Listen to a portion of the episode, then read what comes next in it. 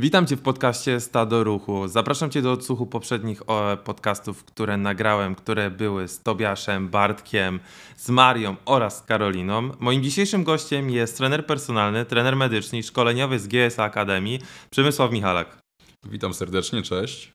Cześć Przemek, bardzo się cieszę, że udało Ci się zagościć w Poznaniu, bo nie ukrywam, jednak odległość między nami jest dosyć duża i ciężko nam się było złapać stacjonarnie, a bardzo mi zależało, żeby faktycznie przeprowadzać rozmowy stacjonarnie.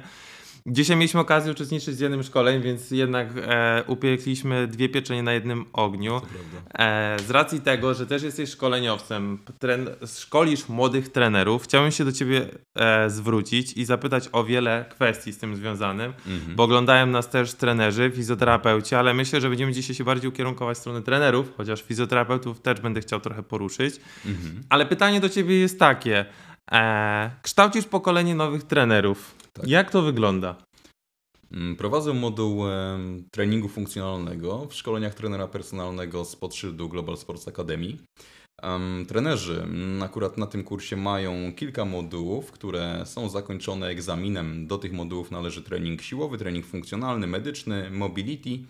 E, no i właśnie kończy to egzamin. E, jako, że do mnie należy moduł treningu funkcjonalnego, staram się przede wszystkim wprowadzić troszeczkę więcej ruchu w dość taki, nie powiem już zakorzeniony do końca, ten trening siłowy, który jest tak mocno ugruntowany, że Wiemy jednak, że nie stanowi to już na ten obecny czas jedyną słuszną jakby stronę prowadzenia aktywności sportowej, ruchowej i w ogóle treningu fizycznego, że ten ruch jednak jest potrzebny, zwłaszcza teraz, kiedy ludzie tak naprawdę zapomnieli o swoim ABC ruchu, bardzo dużo siedzą, mm, no i takie osoby jednak są dalej wprowadzane w określone ramy pewnych ćwiczeń kiedy nie jest to do końca tak naprawdę mm, usprawnianie tych ludzi. Przyszłym trenerom przede wszystkim e, chcę pokazać tę drogę, żeby naprawdę potrafili, znając różne narzędzia pracy, dopasować je do osoby, a nie wszystkich ludzi pakować w ten jeden trening siłowy, który no, jest tak dość mocno ugruntowany cały czas w tym treningu fizycznym świecie fitness, tak można powiedzieć. Znaczy, problem pojawia się, może to nie problem, że jedyną naszą wiedzą na temat treningu siłowego są kulturyści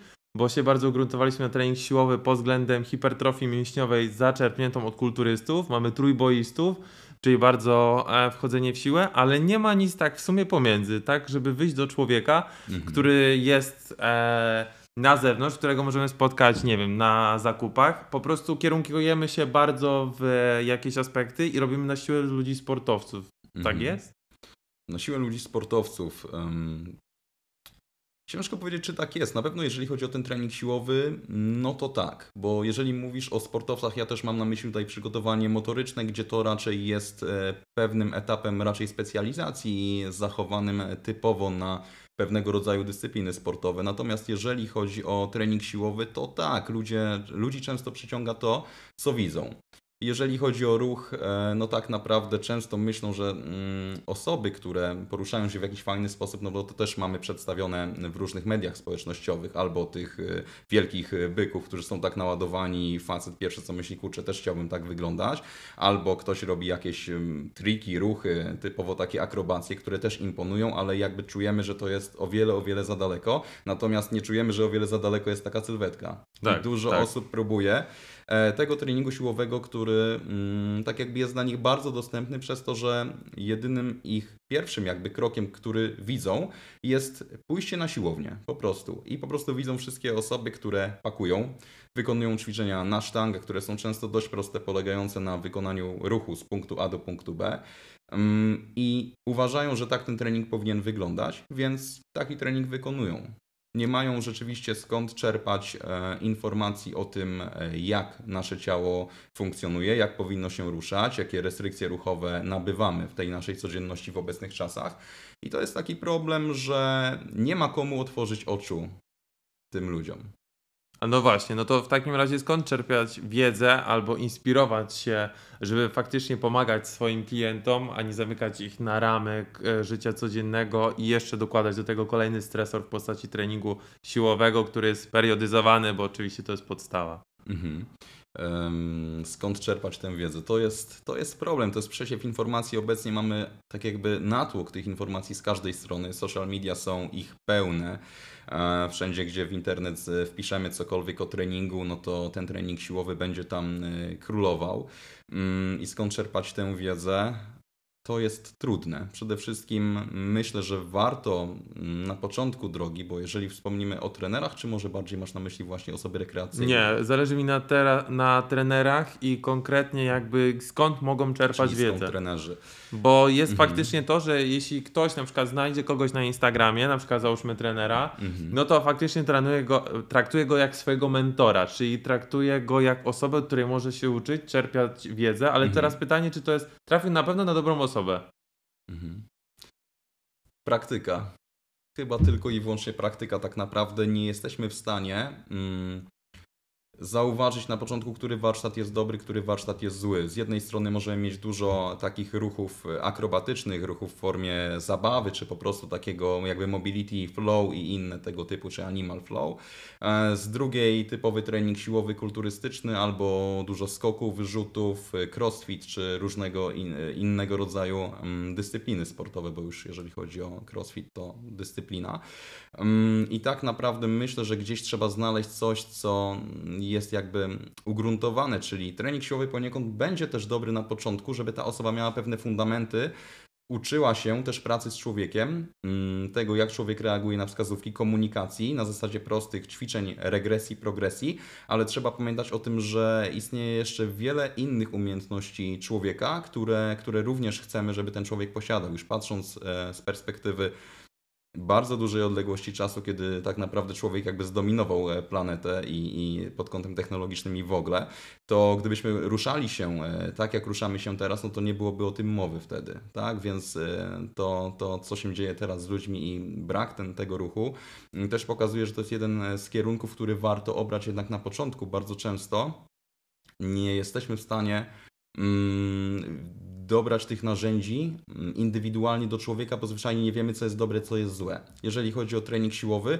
siła jest dobrą funkcją, warto być silnym i jednak te ćwiczenia typowo wzorce ruchowe też mają swoje miejsce, mm, że warto, żeby dana osoba potrafiła coś wyciągnąć, e, wycisnąć nad głowę, przyciągnąć coś z nad głowy, sprzed siebie, potrafiła zrobić zakrok, e, martwy ciąg, potrafiła używać też pleców w pozycji zgięciowej, po prostu rozróżniać te ruchy i wybierać rozsądnie i świadomie te strategie ruchowe. I taką osobę jesteśmy w stanie opakować w ruch. Więc myślę, że wtedy po takich totalnych fundamentach warto by było rozszerzyć swój warsztat o szkolenia bardziej ruchowe, które też pokazują to, kim tak naprawdę jest człowiek, że nasze ciało służy nam do ruchu i może nie warto byłoby zamykać się w określone pojedyncze ramy ćwiczeń i troszeczkę rozszerzać to o umiejętności ruchowe, czyli tak jakby opakować tego człowieka w ruch, ale też wiemy, że rzuty, skoki i inne elementy em, takie ruchowe, dość specyficzne dla większości dyscyplin sportowych, też nie są zarezerwowane tylko i wyłącznie dla sportowców, jednak na samym początku przygody zarządzanie jakby mm, obciążeniem i obciążeniami wynikającymi z takiego prowadzenia takiej formy ruchu i aktywności wśród podopiecznych mogłoby być bardzo trudne. Więc nadal jakby uważam, że trening siłowy i takie podstawy dobrze jest z tego wyjść, ale w pewnym etapie wiedzieć, że nie stanowi to jednej, jedynej słusznej drogi. No dobra, no ale w takim razie, skoro jest trening siłowy i jak skategoryzowaliśmy to, że jest jeszcze ten ruch, który jest tam Mhm. gdzieś pomiędzy, który obserwujemy ze środowiska, to jesteśmy w stanie połączyć to na jednej jednostce treningowej? Uważam, że tak i sam też tak robią.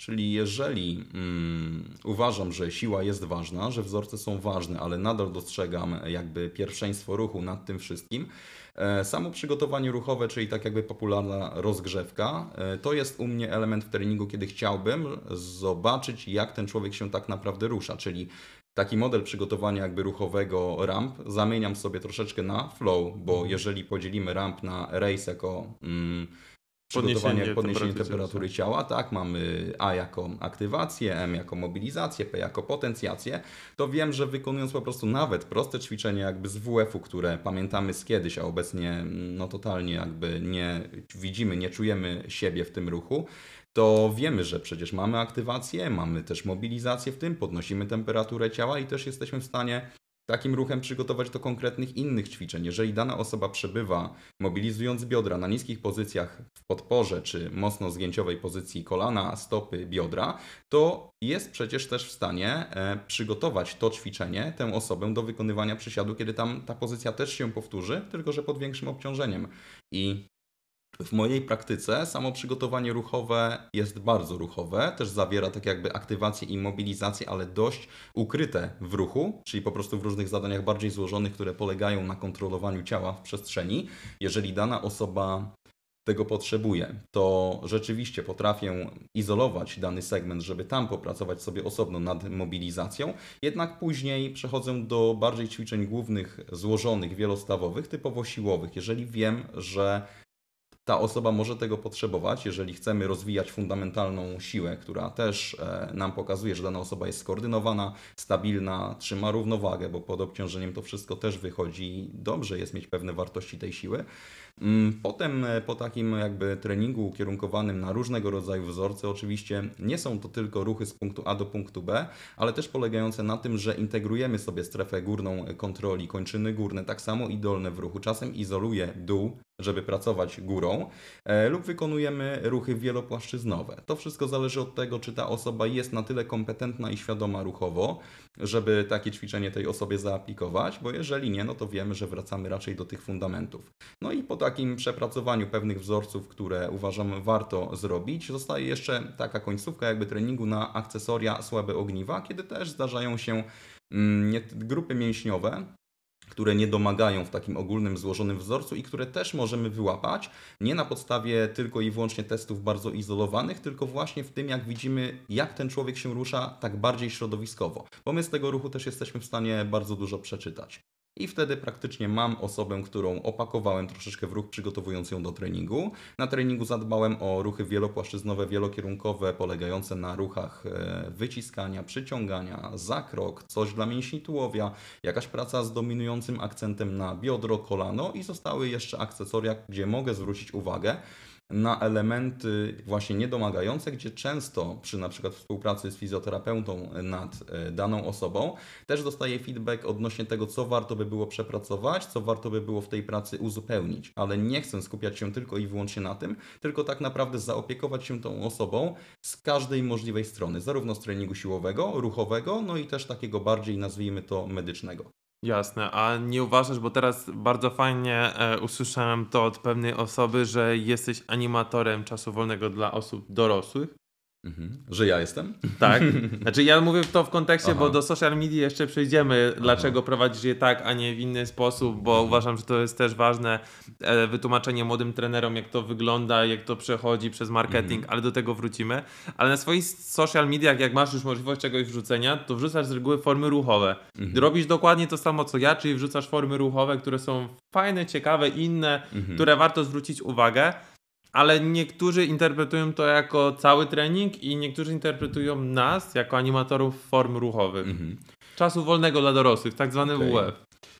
Z takiej jakby pierwszego rzutu rzeczywiście może to tak wyglądać, jednak e, też ludzie się troszeczkę dzielą na tych, którzy są ciekawi i spytają, albo na tych, którzy spojrzą i od razu oceniają. Więc e, jeżeli ja już mam możliwość porozmawiać z kimś, kto rzeczywiście zapyta, dlaczego prowadzę taką, taką a nie inną jakby formę mm, aktywności u tych osób, to tak jak wspomniałem przed chwilą, jest to ja, raczej część treningu, bo to tak cały ten trening nie wygląda. To są tylko narzędzia, które są dobrane indywidualnie na potrzeby klienta, który albo wie i sam zgłasza, że potrzebuje tym i tym poruszać, albo coś go boli, tutaj ja to dopasowuję, albo moje jakby mm, cele, które e, po prostu uznaję, że tej osobie jest to potrzebne, przydatne.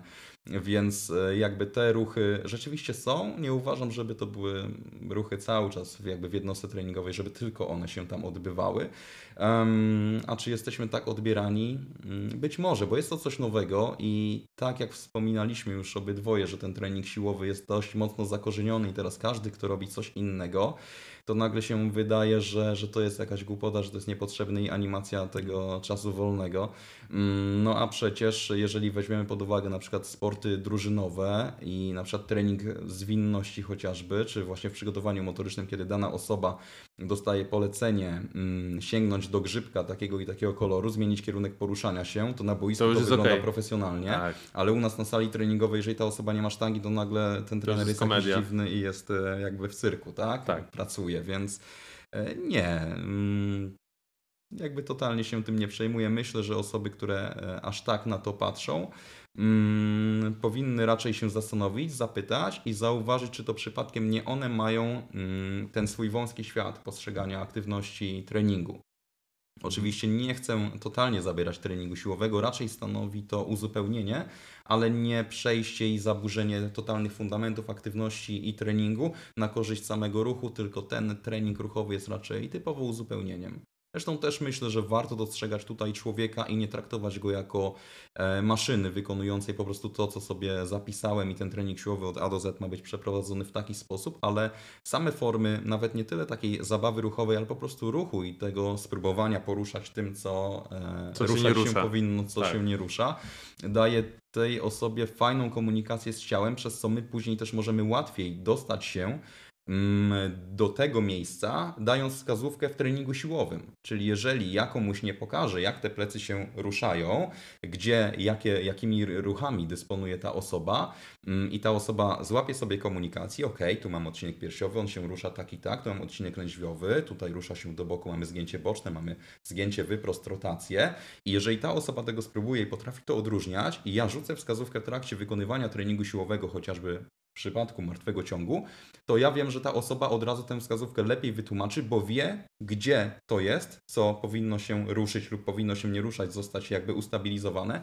i jest mi łatwiej komunikować się z tą osobą, bo tak naprawdę ta osoba nie czuje jeszcze swojego ciała, nie wie, gdzie co jest, a my próbujemy od razu w określonym wzorcu budować pewien, pewien wygląd tego ćwiczenia. I fajnie, jeżeli ta osoba trzyma kolano w osi, ale nie rozumie dlaczego i nie zna innych ruchów tego kolana. Jeżeli pozna, jeżeli to skontroluje, zobaczy pewne zależności, że kiedy kolano zejdzie do środka, zapada się też stopa, tak? Jeżeli zapada się stopa, kolano też idzie do środka, czyli odwrotnie. Jeżeli ta osoba nie złapie, nie zauważy tego w tym ruchu, tak bardziej jeżeli chodzi o środowisko niż ramy konkretnego ćwiczenia, to trudno będzie to egzekwować za każdym razem, bo my musimy wrzucać tę wskazówkę. I cały czas dotyczy to tylko jednego ruchu, czyli wyglądu mm, ładnego ćwiczenia na korzyści tylko i wyłącznie tego ćwiczenia, ale nie uświadamia tej osoby na temat tego, jak to wszystko się rusza, jak pracuje względem siebie i przede wszystkim najważniejszego komunikacja mózg, a miejsce docelowe, czyli Jasne. tak by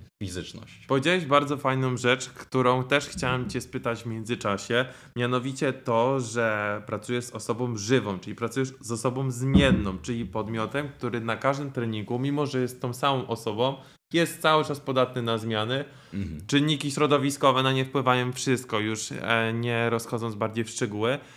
Ale chciałem zmierzyć do tego, jak planować bez planu. Bo to poruszyłeś, że to plan treningowy jest istotny, jest, ma Mhm. znaczenie, ale my nie pracujemy z planem, pracujemy z człowiekiem. Mhm. Sam osobiście miałem sytuację, że zgłaszały się do mnie osoby, które nie rozumiały tego pojęcia. Jak można trenować z kimś, z planem, ale bez planu fizycznego? Mhm. E, Plan na rozwój umiejętności ruchowych. O tak. Czyli w zależności od tego, kto ma jakie kompetencje ruchowe, przeszłość, jeżeli chodzi o mm, sport czy w ogóle aktywność, jesteśmy w stanie realnie na zasadzie jakichś tam testów ruchowych, komunikacji, rozmowy ocenić, kto do czego się nadaje. Po prostu, jeżeli chodzi o ruch umiejętności. Próbujemy rzecz jasna mieć jakiś plan na tę osobę, żeby nie był to totalny random tego, co zrobi, tylko chcemy rozwijać pewne umiejętności, chociażby e, umiejętność rozróżniania w przypadku na przykład podnoszenia czegoś z ziemi, jaką strategię wybierze. Czy na przykład będzie to przysiad, czyli z dominującą pracą kolana, mm, e, martwy ciąg, po prostu ciąg z dominującą pracą biodra, czy wykona tą czynność przez zgięcie pleców. I chciałbym, żeby osoba była na tyle kompetentna, żeby potrafiła rozróżniać te strategie i w zależności od potrzeby określonego zadania, czyli ćwiczenia, które dobiorę, rozróżniała je i umiała je sprawnie wykorzystać. Więc jakby plan na rozwój, plan na mm, stałe podnoszenie sprawności to uważam za funkcjonalny, czyli w zależności od tego, kto jakimi kompetencjami ruchowymi e, się mm, cechuje i jakie środowisko go dotyczy, czy środowisko sportowe, czy jakieś codzienne, czy środowisko bez ruchu, czy jakiegoś ruchu wzmożonego, chciałbym dopasowywać te e, umiejętności tak, żeby cały czas rozwijać tę osobę. Więc to jest jakby mój plan, który zakłada ten stały progres. jest procesem. Ale fizycznie bardzo często pomimo tego, co sobie naskrobię, bo pracuję akurat tak, że przygotowuję się do tych treningów, mam pewien plan założony, ale wystarczy czasem jedno pytanie, jak się dziś czujesz do klienta, żeby wiedzieć, że on nie może zostać tak zrealizowany, jak sobie to założyłem. Więc wtedy raczej polegam na tych umiejętnościach, które mam z racji doświadczenia, które posiadam. Domyślam się, że początkujący trenerzy mogą mieć duży problem z dobraniem na bieżąco metod pracy i tego, co rzeczywiście zastosują. Mm, I pracuję w taki sposób dość intuicyjny wówczas, czyli po prostu wiem docelowo, jaki jest plan, co chciałbym rozwijać jako umiejętności tej osoby, ale w praktyce bardzo często to się rozsypuje i tak naprawdę moimi umiejętnościami które są na ten czas najważniejsze, nie jest to, jaki ja mm, plan napisałem, co ja przygotowałem, tylko to, czy ja potrafię dobrze e, zrozumieć nie tyle oczekiwania, ale dyspozycję tej osoby i zastosować coś, co w długim mm, w dłuższej perspektywie jakby nie rozsypie nam tej osoby, czyli zarządzanie po prostu też tym obciążeniem treningowym. To może być chociażby złożoność ćwiczeń, tak, które przygotowałem sobie na początku. Miał to być wielostaw wykonywany na dość dużym obciążeniu, dość dużej intensywności, ale wiemy, że jeżeli dana osoba nie wyspała się, czy jakieś inne sytuacje dnia codziennego przytłoczyły, to nie chcę ładować tego obciążenia na tę osobę, bo mózg jakby nie odróżnia stresów, jedno i drugie jest stresem, które się kumulują, więc e, tak naprawdę tutaj pojawiają się umiejętności moje jako trenera, żeby dobrać to, co na chwilę obecną jest dobre. I ja mogę sobie tak naprawdę zaplanować to z momentu na moment. Dalej to jest jakby takie planowanie, ale nie jest to perspektywa planu, który na przykład jest sporządzony na zasadzie mikro, mezo, makro cyklu w dłuższej perspektywie. Jasne, no ale w takim razie, skoro my mamy taką świadomość, pracujemy już trochę e, w branży, dlaczego nadal trenerów uczy się na kursach trenerów personalnych czy też mhm. szkoleniach programowania, które jest dosyć różne od tego, co możemy faktycznie spotkać w rzeczywistości? Mhm. Wydaje mi się, że to przez to, że nie uwzględnia się właśnie samego człowieka, treningu, tylko raczej trening, do którego my człowieka chcemy dopasować. I wtedy faktycznie mm, mamy człowieka, gdzie i ugruntowany trening siłowy, no to co my z tym możemy zrobić? Zaprogramować trening siłowy, który będzie mm, wyglądał w sposób taki dość sztywny. 3-4 serie po ileś tam powtórzeń, tempo takie i takie, ale w praktyce wychodzi to różnie. No i są osoby, które po prostu chcą mm, egzekwować cały czas wykonywanie planu przez tę osobę i myślę, że na zasadzie doświadczenia dopiero wtedy widzimy, że nie jest to do końca mm, tak proste, jakby się chciało, bo człowiek to nie jest robot. Jasne. I przez to, że ten trening siłowy dalej nie tyle, że widnieje jako jedyny prawdziwy, ale jest taki ugruntowany, to no dalej to programowanie typowo treningu siłowego i sylwetkowe, sylwetkowego jest e, na takim piedestale a trening może nie tyle rekreacyjny, tylko po prostu mm, osób, e, takiej generalnej populacji, które nie do końca chcą te osoby być sportowcami, chcą po prostu być zdrowe, sprawnie się ruszać, komunikować się dobrze ze swoim ciałem, e, kiedy my tak naprawdę prowadzimy te osoby i często to, w jaki sposób mówimy, w jaki sposób nauczamy, jak wygląda właśnie nasza komunikacja, relacja daje tym osobom o wiele więcej, jeżeli chodzi chociażby o spojrzenie na autonomię tej osoby, nabywają przekonania, że doskonale kontrolują swoje ciało, poszerzają swoje umiejętności ruchowe, o jakby duży asortyment tych ruchów, no i przede wszystkim dobrze rozumieją te wskazówki do ciała, które potrafią zastosować, to jest taka prawdziwa wartość, którą chciałbym, żeby mm, ci ludzie jakby posiadali, żeby trenerzy skupili się troszeczkę na tym, niż właśnie na tych sztywnych ramach e, programowania. I czemu to jest tak dalej mm, popularyzowane? Nie mam pojęcia. Ale wydaje się, że to jest dobry produkt, który się sprzedaje i się wmawia, znaczy młodym trenerom. Może Problem polega tylko i wyłącznie na tym, że młodzi trenerzy dochodzą do takiego pułapu, że jest tyle natłok, co już wspomnieliśmy, jest natłok, tyle informacji, jest tyle szkoleń, tyle szkół, tyle osób oferuje swoje usługi, że muszę być na tym, na tym, na tym. Nie do końca wiedzą, gdzie mają się udać. Mhm. Widzą programowanie treningowe, o, to mi się przyda, bo programowanie treningowe na pewno komuś się przyda, mhm. tylko później nie rozumieją faktycznie z kim pracują. Jaką byś dał radę na przykład takim, takim trenerom, na przykład jak dajesz, jak kończysz swój e, cykl e, trening, dla trenera personalnego, jakie mhm. dajesz im rady?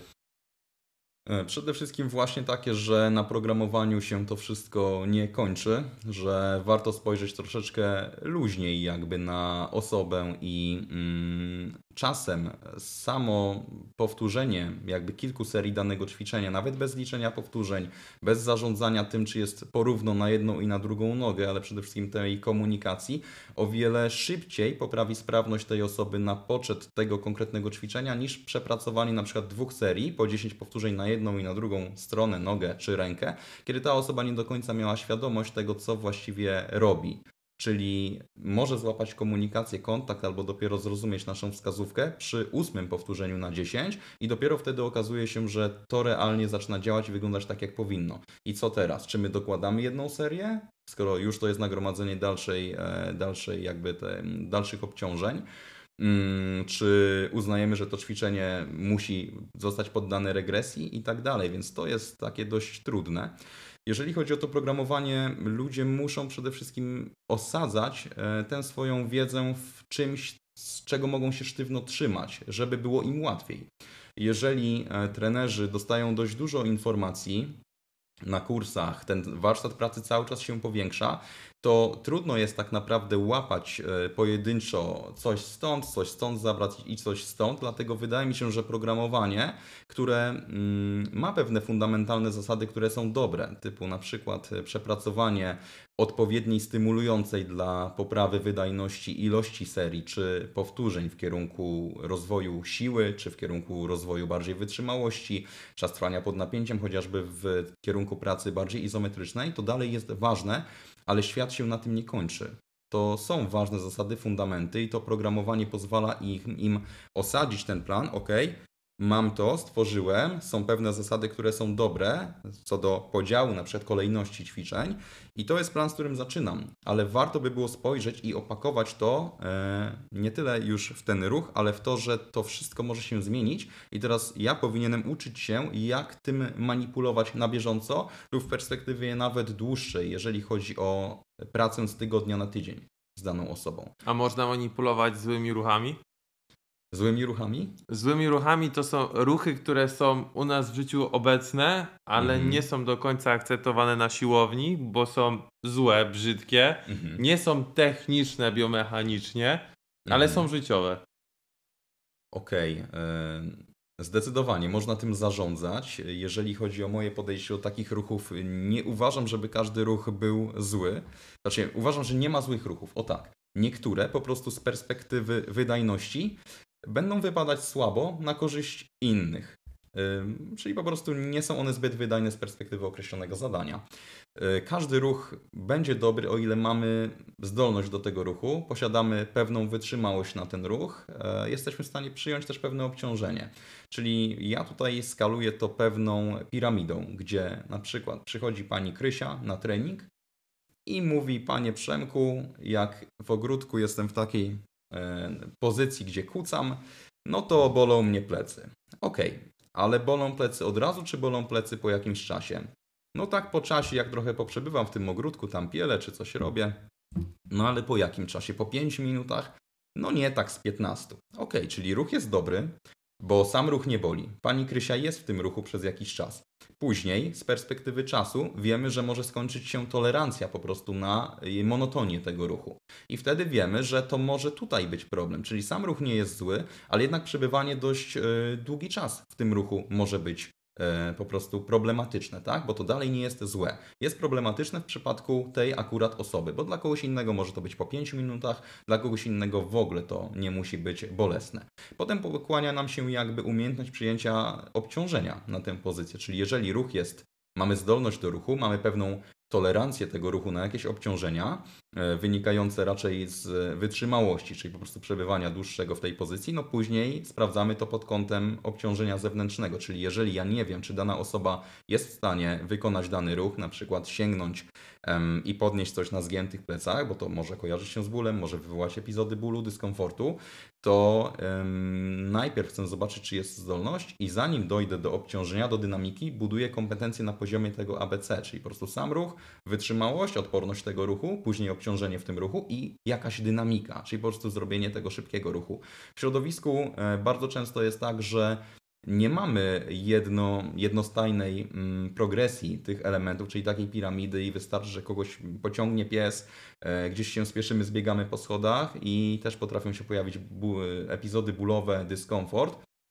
Przy czym zawsze adaptacja jakby do tych ruchów dynamicznych jest taka sama. Musi być najpierw zdolność do ruchu, później po prostu wytrzymałość, tak, którą często kształtujemy na przykład w przygotowaniu motorycznym, e, czy właśnie w tej periodyzacji w takim GPP, czyli taka, takie przygotowanie ogólne, zanim dojdziemy do specyficznego. Te wszystkie zasady gdzieś tam w tym treningu cały czas są i my możemy też je stosować na korzyści budowania odporności ruchu, który z perspektywy osób blokujących się na ruchach kwadratowych wydają się być złe.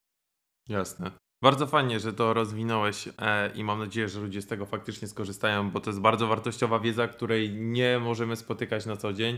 Znaczy, nie ma z tego szkoleń, nie ma z tego warsztatu, chociaż prowadzę trening rekreacyjny, gdzie ludziom próbuję to wytłumaczyć, mhm. ale jest jednak limit miejsc, który mnie ogranicza i możliwość, dlatego cieszę się, że są takie osoby jak ty, które też to propagują, które to wyjaśniają, dlaczego tak jest.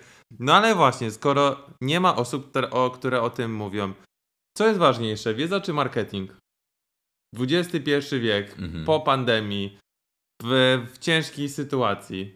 Mhm. Co jest ważniejsze? Bo widzę, że wiedza się nie do końca teraz sprzedaje. Teraz jest ważne to, żeby zrobić marketing, zrobić koło siebie szumu, zrobić coś nie wiadomo, nie wiadomo co. Mhm.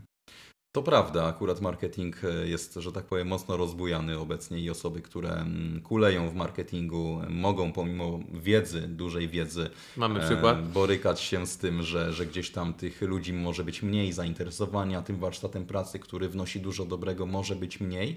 Ale z drugiej strony, kiedy jest y, dużo marketingu, ale brak wiedzy, no to też no nie spaja się to. Więc e, jedno i drugie jest ważne. Ja zawsze będę wiedzę jakby no, gloryfikował. E, to jest tak naprawdę najważniejsze. Szkoda po prostu, że w tych czasach wygląda to tak, a nie inaczej i tak naprawdę każda osoba wiemy na przykład, że trenerem jest zostać dość łatwo tak. i przez to, że taki jest marketing, a nie inny, bardzo często osoby, które mają solidny warsztat, dużą wiedzę i duże doświadczenie, zostają gdzieś z tyłu przez to, że osoby nowe, młode, które do końca jeszcze nie mają tego warsztatu ugruntowanego, e, praktycznie mm, wyskakują e, w internecie, kiedy wyszuka się trenera. Tak, wszędzie. Tutaj filmy, posty sponsorowane. Mm, no i jest duży problem, bo ludzie rzeczywiście nie mają mm, pojęcia, jak y, oddzielić, co jest co. Po prostu y, przychodzą do osoby, która ich w jakiś sposób mogła przekonać po prostu tym marketingiem i przez to, że ta wiedza nie jest tak jakby dostępna im na co dzień, nie są w stanie odróżnić tak naprawdę z kim pracują i często ufają odgórnie, na przykład wchodząc na siłownię, kiedy wiemy, że bardzo często osoby, które pracują na siłowni to są tacy jakby weekendowi trenerzy, do których ta osoba jest jakby przyprowadzana od razu, czyli chciałabym, czy chciałbym kupić trening personalny, ok, mamy tutaj trenera i ta osoba nie ma żadnej możliwości sprawdzenia, kto to właściwie jest. Tak? Może niektórzy rzeczywiście e, próbują w jakiś sposób dowiedzieć się, z kim będą pracować i komu tak naprawdę oddają swoje zdrowie, ale widzę, że też jest taka bardzo duża nieświadomość, czyli jeżeli chodzi o samochód, to przegląd, mechanik, jeżeli coś usłyszymy, coś tam e, stuka, puka, to od razu próbujemy zobaczyć, co to jest za problem, ale jeżeli chodzi o nasze zdrowie, gdzieś coś boli, dyskomfort, tabletka przeciwbólowa albo oddajemy swoje ciało, tak naprawdę swoje zdrowie, bo my nie tylko pracujemy z człowiekiem pod kątem aparatu ruchu, ale jeżeli chodzi o układ sercowo-naczyniowy, całą fizjologię, to też poddajemy jakby... Częściowo psychikę. Oczywiście, nawet bardzo. E, oddajemy właśnie się w ręce kogoś, kim nie wiemy, nie wiemy kim ta osoba jest. No a w takim razie, skoro szkolisz trenerów, szkolisz e, młode, nowe pokolenie trenerów, którzy wychodzą na rynek, mhm. to teraz odwróćmy sytuację w drugą stronę. Skoro jestem klientem, jak ja mam znaleźć dobrego trenera? Mhm. Czego mam się spodziewać? Hmm. Bo to wiesz, to jest konkurencja też ceną. No nie będziemy oszukiwać. Oczywiście. Są trenerzy, którzy konkurują ceną albo niżej, albo wyżej, w zależności od tego, jak pracują. Są osoby, które się cenią, są osoby, które się nie doceniają. Mhm. I teraz gdzie znaleźć osobę, która faktycznie mi pomoże? No właśnie. No właśnie. No właśnie. To, jest, to jest dobre pytanie. Mm. Bo jednak trzeba wytłumaczyć swoją trzeba usługę. zrobić, tak, trzeba to wytłumaczyć.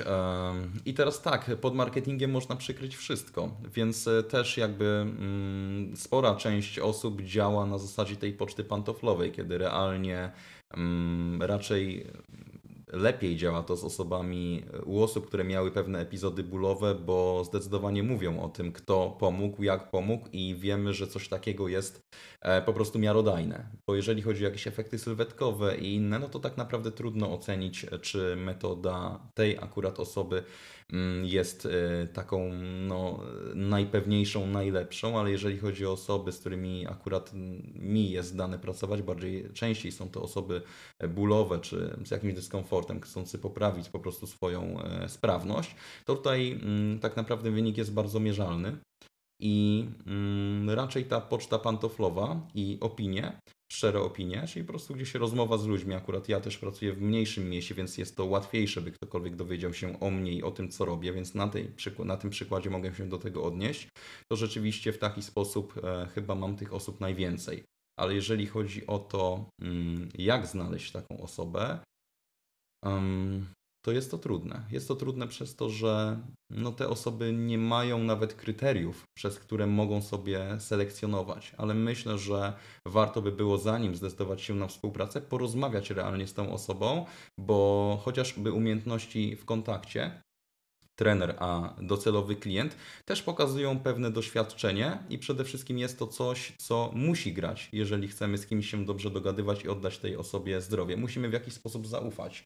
I sądzę, że sama rozmowa wstępna, wyraźne mm, określenie swoich potrzeb mogą być też wystarczające do tego, żeby już podjąć współpracę. Ale uważasz, że wtedy trzeba dzwonić, przyjść na spotkanie, pisać. Myślę, że zdecydowanie lepiej jest umówić się na spotkanie z tą osobą. Bo I Coś po prostu musi po prostu zagrać i po prostu rozmawiać. Tak? Jeżeli em, może nie tyle, że tej osobie zależy na tym zdrowiu, bo niektórzy mogą mieć na tyle dużo klientów, że nie zależy im na tym, by na przykład przyszła do nich nowa osoba na bezpłatną konsultację, no bo jednak ta osoba najpierw chce nas e, poznać, ale sądzę, że też możemy po tym, jak ta osoba do nas podejdzie, czy zdecyduje się na przykład na to spotkanie, mm, to jest w stanie, jesteśmy w stanie określić, czy jest to ktoś, kto odda nam troszkę siebie i realnie s- nie tyle, że spełni jakby wymagania, ale będzie miało taki ten ludzki pierwiastek, dzięki któremu będzie łatwiej, pomoże i będzie to dobra współpraca. O tak. Tak byśmy chyba chcieli, żeby faktycznie było. Ale uważasz, że powinniśmy być e, zawodem tak jak fizjoterapeuci, którzy dobrze czy niedobrze zrobili to już w ich gestii, ale czy trenerzy personalni powinni mieć też e, zawód e, normalizowany przez państwo? Nie wiem, czy przez państwo, bo jeżeli coś jest normalizowane przez państwo, to różnie się to kończy, ale myślę, że wymogi powinny być dużo.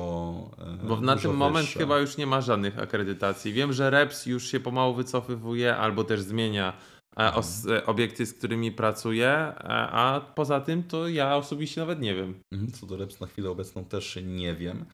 Ym, I tak, no na ten czas chyba wystarczy tylko być pełnoletnim, skończona szkoła średnia i tak naprawdę chyba tylko siłownie mogą ym, jakby segregować, czy ktoś ma ten kurs i wymagać tego, ale tak naprawdę chyba każdy może stwierdzić, że jest trenerem i zacząć jakąś Tak. swoją prywatną praktykę, co jest przerażające, więc myślę, że w jakiś sposób na pewno trzeba by było to ugruntować, uregulować. Mm, ale nie mam pojęcia w jaki sposób i czy przez e, państwo, jakieś odgórne przepisy. Na pewno coś by się tutaj przydało, ale nie zastanawiałem się nad tym. Nie miałeś nigdy pomysłu na to, albo nie, Nie. myślałeś, jak to powinno Nie wyglądać? myślałem, raczej jest to w pewien sposób e, krzywdzące zarówno ludzi, trenerów, czy to z większym doświadczeniem, czy tych, roz, tym, tych rozpoczynających, bo dla nich też e, warto by było wprowadzić troszeczkę większe restrykcje, chociażby nawet z perspektywy mm, już nie tyle takiej pracy bardziej psychologicznej, ale jednak coś w tym kierunku, bo jednak jest to praca z człowiekiem i ten człowiek oddaje nam no, swoje zdrowie, więc e, tutaj na pewno jest to trochę krzywdzące dla początkujących trenerów, którzy mogą nie zdawać sobie z tego sprawy, a rozpoczynając taką współpracę, e, borykając się później z pewnymi konfliktami, które mogą z tego wyniknąć, że osoby mogą czuć się nawet e, skrzywdzone, troszeczkę chociażby nie tyle z perspektywy właśnie aparatu ruchu, ale różnych przeciążeń, tak, układu sercowo-naczyniowego czy inne, jakieś bóle głowy, które mogą nawet wystąpić po aktywności fizycznej, to mm, trener może nie, wiedzieć, nie mieć pojęcia, w jaki sposób w ogóle wpłyną na tę osobę. Ale czy trener było- potrafi powiedzieć nie wiem, nie znam się, nie pomogę panu? Znaczy ja ogół, osobiście tak robię. Jeśli ja komuś nie jestem w stanie pomóc, a to są najczęściej osoby, które mają bardzo nagły, silny ból, Mhm. wtedy odsyłam do Tobiasza, z którym pracuję, który jest fizjoterapeutą, którego podcast mogliście usłyszeć e, parę tygodni wcześniej. Tak. Ale to jest to, że ja potrafię to powiedzieć, bo pracuję też z takimi osobami. Mam już na pewne doświadczenie, z, Mhm. z którymi osobami mogę pracować, z którymi nie mogę. No ale teraz taka osoba świeżo po kursie, bo dobrze wiemy, jak wygląda efekt tego, że im mniej wiemy, tym bardziej się odzywamy, im więcej wiemy, tym praktycznie milczymy, bo już Mhm. po prostu to wiemy. Jak osoby świeżo, nawet już nie świeżo po kursach, ale z bardzo małym doświadczeniem z pracą z takimi osobami stricte bólowych, bo o tych mówię, Mhm. podejmują się takiej współpracy. Tak. Bo to jest klient, bo to jest e, osoba, z której mogę wziąć kolejne pieniądze, do której, która ona mi kolejne rzecz coś opłaci, Mhm. e, nie biorąc tego faktycznie za tą stronę, że to jest człowiek, to jest osoba, której trzeba pomóc, a ja na ten moment nie jestem w stanie nic zaoferować. Mhm.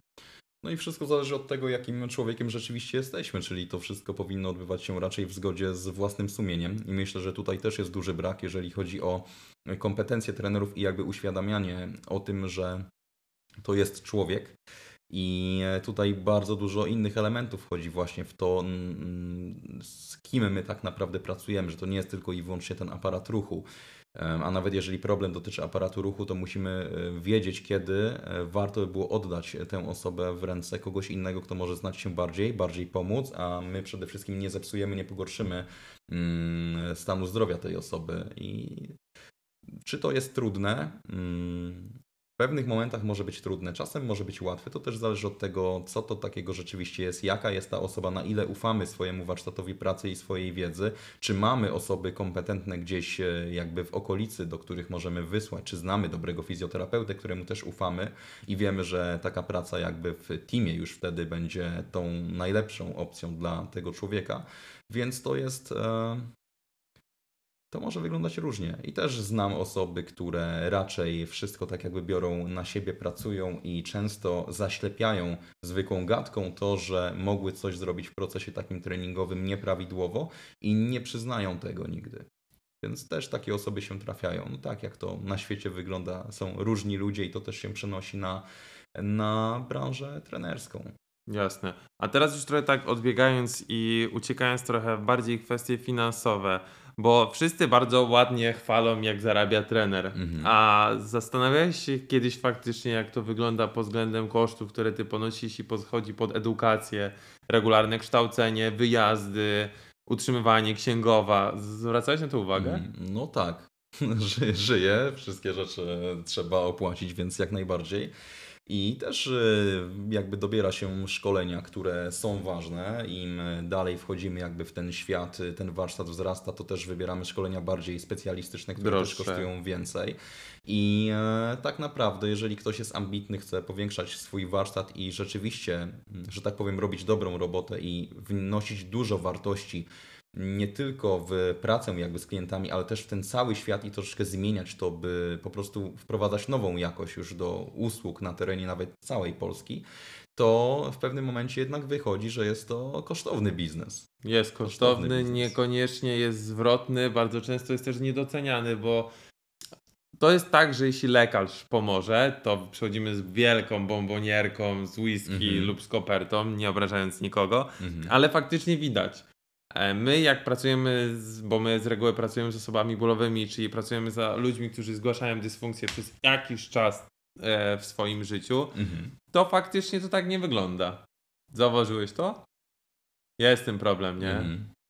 To prawda, chociaż e, różnie też zależy od osoby, jaka była skala problemu, jak, jaką dobrą relację też jakby nawiązaliśmy, ale to tak jest, że jednak lekarz zawsze będzie tym guru i często pomimo tego jacy potrafią nadal być gburowaci, jeżeli chodzi o tych leśnych dziadków, którzy ciągle gdzieś tam e, swoje robią, często już nie dość, niezbyt aktualną jakby taką, e, taką szkołą, no to tak, to dalej jednak jest to lekarz, nie? To jest taka postać, gdzie... A nie, nie boli cię to, że jesteś najniżej w hierarchii?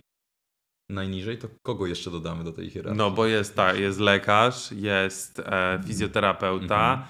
jest gdzieś tam po drodze, jest wyłam, podobno jest między fizjoterapeutą a trenerem personalnym, jest trener medyczny, trener przygotowania Tak. motorycznego i trener personalny. Mhm. Myślę, że trener personalny akurat to już nie jest instruktor treningu siłowego, tylko właśnie trener personalny, który mm, potrafi dobierać z różnych narzędzi. Zarówno może troszeczkę, jeżeli ktoś ma taki warsztat, z treningu przygotowania motorycznego, z treningu medycznego i przede wszystkim potrafi aplikować to jakby danej osobie wtedy, kiedy jest tego potrzeba i realny sens stosowania. Więc rzeczywiście wydaje mi się, że pomimo tego, jak dużo ten trener personalny w naszym odczuciu, kiedy my wiemy, nad czym tak naprawdę pracujemy, jak pracujemy, mamy bardzo duży, że tak powiem, obowiązek znać to wszystko i zdawać sobie sprawę. Ja już nie mówię o tym, żeby wiedzieć to wszystko, ale mieć pojęcie, jak bardzo wiele elementów e, musimy w tej pracy mm, czuć i wykorzystywać. Tak? Właśnie chociażby ten trening medyczny, troszkę wiedzy z fizjoterapii, bo jeżeli mm, tak pracujemy nad ciałem, nad aparatem ruchu i coś tam się psuje, ta osoba trafia do fizjoterapeuty, to my też zbieramy feedback i myślę, że naszym obowiązkiem jest e, wiedzieć, co wtedy z taką osobą zrobić. Więc pomimo tego, że wydaje się, że jesteśmy najniżej w hierarchii jako trenerzy personalni, to my tak naprawdę cały czas e, płynnie pojawiamy się w tych wszystkich em, elementach tej hierarchii i jeżeli chodzi o środowisko takie bardziej lekarskie, no to również. Często to my w obecnych czasach jesteśmy w stanie bardziej uświadamiać właśnie lekarzy niektórych specjalizacji, że ruch też jest ważny i może nie wszystko trzeba unieruchamiać, bo gdzieś e, doszło do jakiegoś urazu, mm, tylko wyprowadzać to do ruchu. I to też się zdarza, że ja e, uświadamiam osoby, które zostały, zostały na przykład zabetonowane w pewnych segmentach, czy to po operacji barku, że ten trening stabilności i w ogóle mm, siły chociażby danej struktury jest w stanie realnie im pomóc, żeby to nie wracało albo żeby szybciej doszli do zdrowia i sprawności i że ograniczenia ruchu nie muszą trwać e, cały czas do końca ich życia. Bo lekarze niestety często tak mówią, ok? Czyli tym już pani nie będzie nigdy tak ruszała. Tak, bardzo często się tak zdarza. I wtedy my z tej hierarchii tak naprawdę pojawiamy się góra-dół, góra-dół, jesteśmy wszędzie. No ale jeżeli chodzi o osoby, które mm, może nie są trenerami, to rzeczywiście mogą tak nas postrzegać. Mhm. A może inaczej, czy nie jest to dla ciebie uciążliwe, albo że nie sprawia ci to też po części przykrości, cię nie nerwuje, że ludzie utożsamiają cię z tym samym trenerem, który jest na siłowni od 20 lat, jedyne co potrafi to ponosić sztangi i robić za instrukcje od maszyn? Tak. Jest, Jest, to, nie? jest to czy uciążliwe może nie, czy przykre, to też chyba myślę, że za duże słowo, ale po prostu uważam, że jest to trochę nie w porządku, jednak ja nie mam zamiaru nikogo do końca w tym y, uświadamiać. Chcę po prostu dalej robić to, co robię, chcę robić to dobrze i niech wieść się niesie, po prostu. No bo wiesz, bo to jest. Te, jesteś, jesteśmy wszyscy tym samym, jesteśmy trenerem personalnym, Mhm. ale ludzie faktycznie nie kategoryzują, kto jest od czego. A ty jesteś trenerem, rozpiszesz mi dietę, Tak. a pokażesz mi, jak używać maszyn, a Mhm. jak się uruchamia bieżnie. Wiesz, to są rzeczy, które wyszły kiedyś z tego, co było. Niektórzy nadal to praktykują. tak, trener bo po... był od wszystkiego. Tak, nadal jest, są takie osoby, które są po prostu od wszystkiego, a Mhm. jak są specjalistami wręcz od wszystkiego i za takich się mają na każdym etapie osoby, które do nich trafiają. Mhm. Tylko faktycznie, gdzie to jest na tyle miarodajne? No i to jest trudne. Myślę, że na pewnym etapie na pewno trzeba znaleźć tą swoją specjalizację i nie pchać się totalnie we wszystko.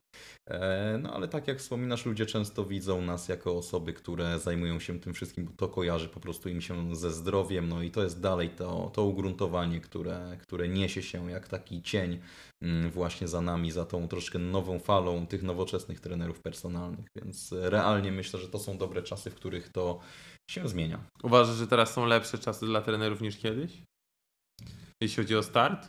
Lepszy czas, jeżeli chodzi o start. Dostęp do wiedzy na pewno mamy e, większy, ale to może być taki troszkę mindfuck, bo tak jak wspomnieliśmy, trenerzy mogą mieć problem ze znalezieniem tego cennego na obecny ich, e, obecne ich możliwości, jakby rozumienia ruchu i pracy i warsztatu, doświadczenia, mm, szkoleń, które realnie dadzą im tą wartość, więc mm, pod względem dostępu do wiedzy jest lepiej, ale pod względem wyboru może być trudniej.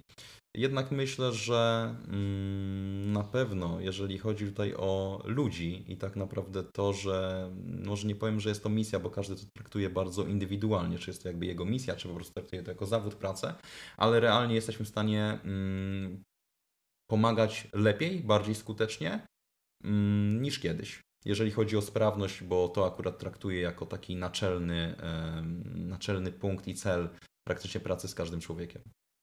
Super.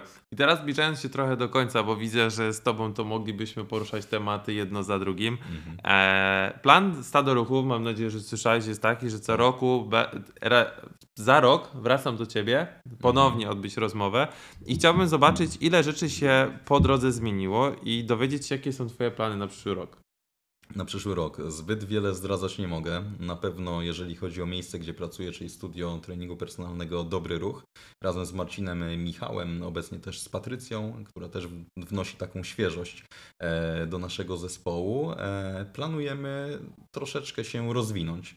Em, Jeszcze nie będę mówił w jakim dokładnie kierunku. Takie są plany, żeby zrobić coś więcej. Dostaliśmy takiego mm, podmuchu e, w skrzydła wiatru i chcemy po prostu dobrze wykorzystać, żeby naprawdę było to miejsce z prawdziwego zdarzenia, wnosić troszeczkę nową e, jakość e, do naszego miasta, do Słupska i żeby było to coś dużego, z czego po prostu będziemy dumni. A każdy z nas czuje to samo, to jest też nasza misja, nie tylko jakby biznes. Czujemy się dobrze w tym, co robimy i chcemy to robić jak najlepiej i do tego będziemy dążyć. A Twoje jakieś takie skryte cele na ten rok? Skryte cele na ten rok. Raczej upatruję to wszystko na ten czas w dobrym ruchu. Mhm. Czyli być może jakieś szkolenia, chociaż też jestem w takim e, momencie, że nie za bardzo mm, potrafię się ukierunkować, bo jakby warsztat mam trochę duży i szeroki. Może tak, może nie tyle duży, co szeroki, bo było przygotowanie motoryczne, wcześniej kiedyś też miałem przygodę z kulturystyką, e, też wychodzę bardziej ze sportów walki. E, Troszkę jakby w treningu medycznym też się odnajduję, przede wszystkim jeżeli chodzi o relacje z ludźmi. Mm, Trening siłowy również i po prostu szukam czegoś, co świetnie będzie uzupełniać ten mój warsztat, da mi troszkę nowe spojrzenie i wiedząc, że ten wachlarz jest aż tak szeroki, szukam czegoś, co naprawdę będzie dla mnie przydatne, a nie tylko szkolenia zapychacze, które będą e, powtarzały właściwie to, co gdzieś już w tym warsztacie moim się znajduje. Więc jeżeli chodzi o szkolenia, na razie drobny stop i szukanie czegoś, e, może nie tyle game changera, bo myślę, że o to będzie już teraz trudno, ale coś, co e, dużo zmieni i tak naprawdę dalej swoja praktyka na miejscu. Dzięki. Tak, chciałem Ci podziękować za tą rozmowę, bo faktycznie wydaje mi się, że bardzo dużo wniosłeś, wytłumaczyłeś i pokazałeś wszystkim młodym oraz już z dużo większym doświadczeniem trenerom, Mhm. jak to wygląda, jak to może wyglądać i co faktycznie wnosisz do e, rozwoju młodych trenerów, bo faktycznie robisz świetną robotę z tego, co ja obserwuję, co rozmawiamy, więc bardzo Ci dziękuję za rozmowę, że zgodziłeś Ja się również. przyjechać, e, poświęcić godzinę po szkoleniu, które mieliśmy razem. E, I na tym chciałbym zakończyć podcast z Przemkiem e, Stado Ruchu. E, Was zapraszam do subskrypcji i do polubienia, a widzimy się w następnym podcaście.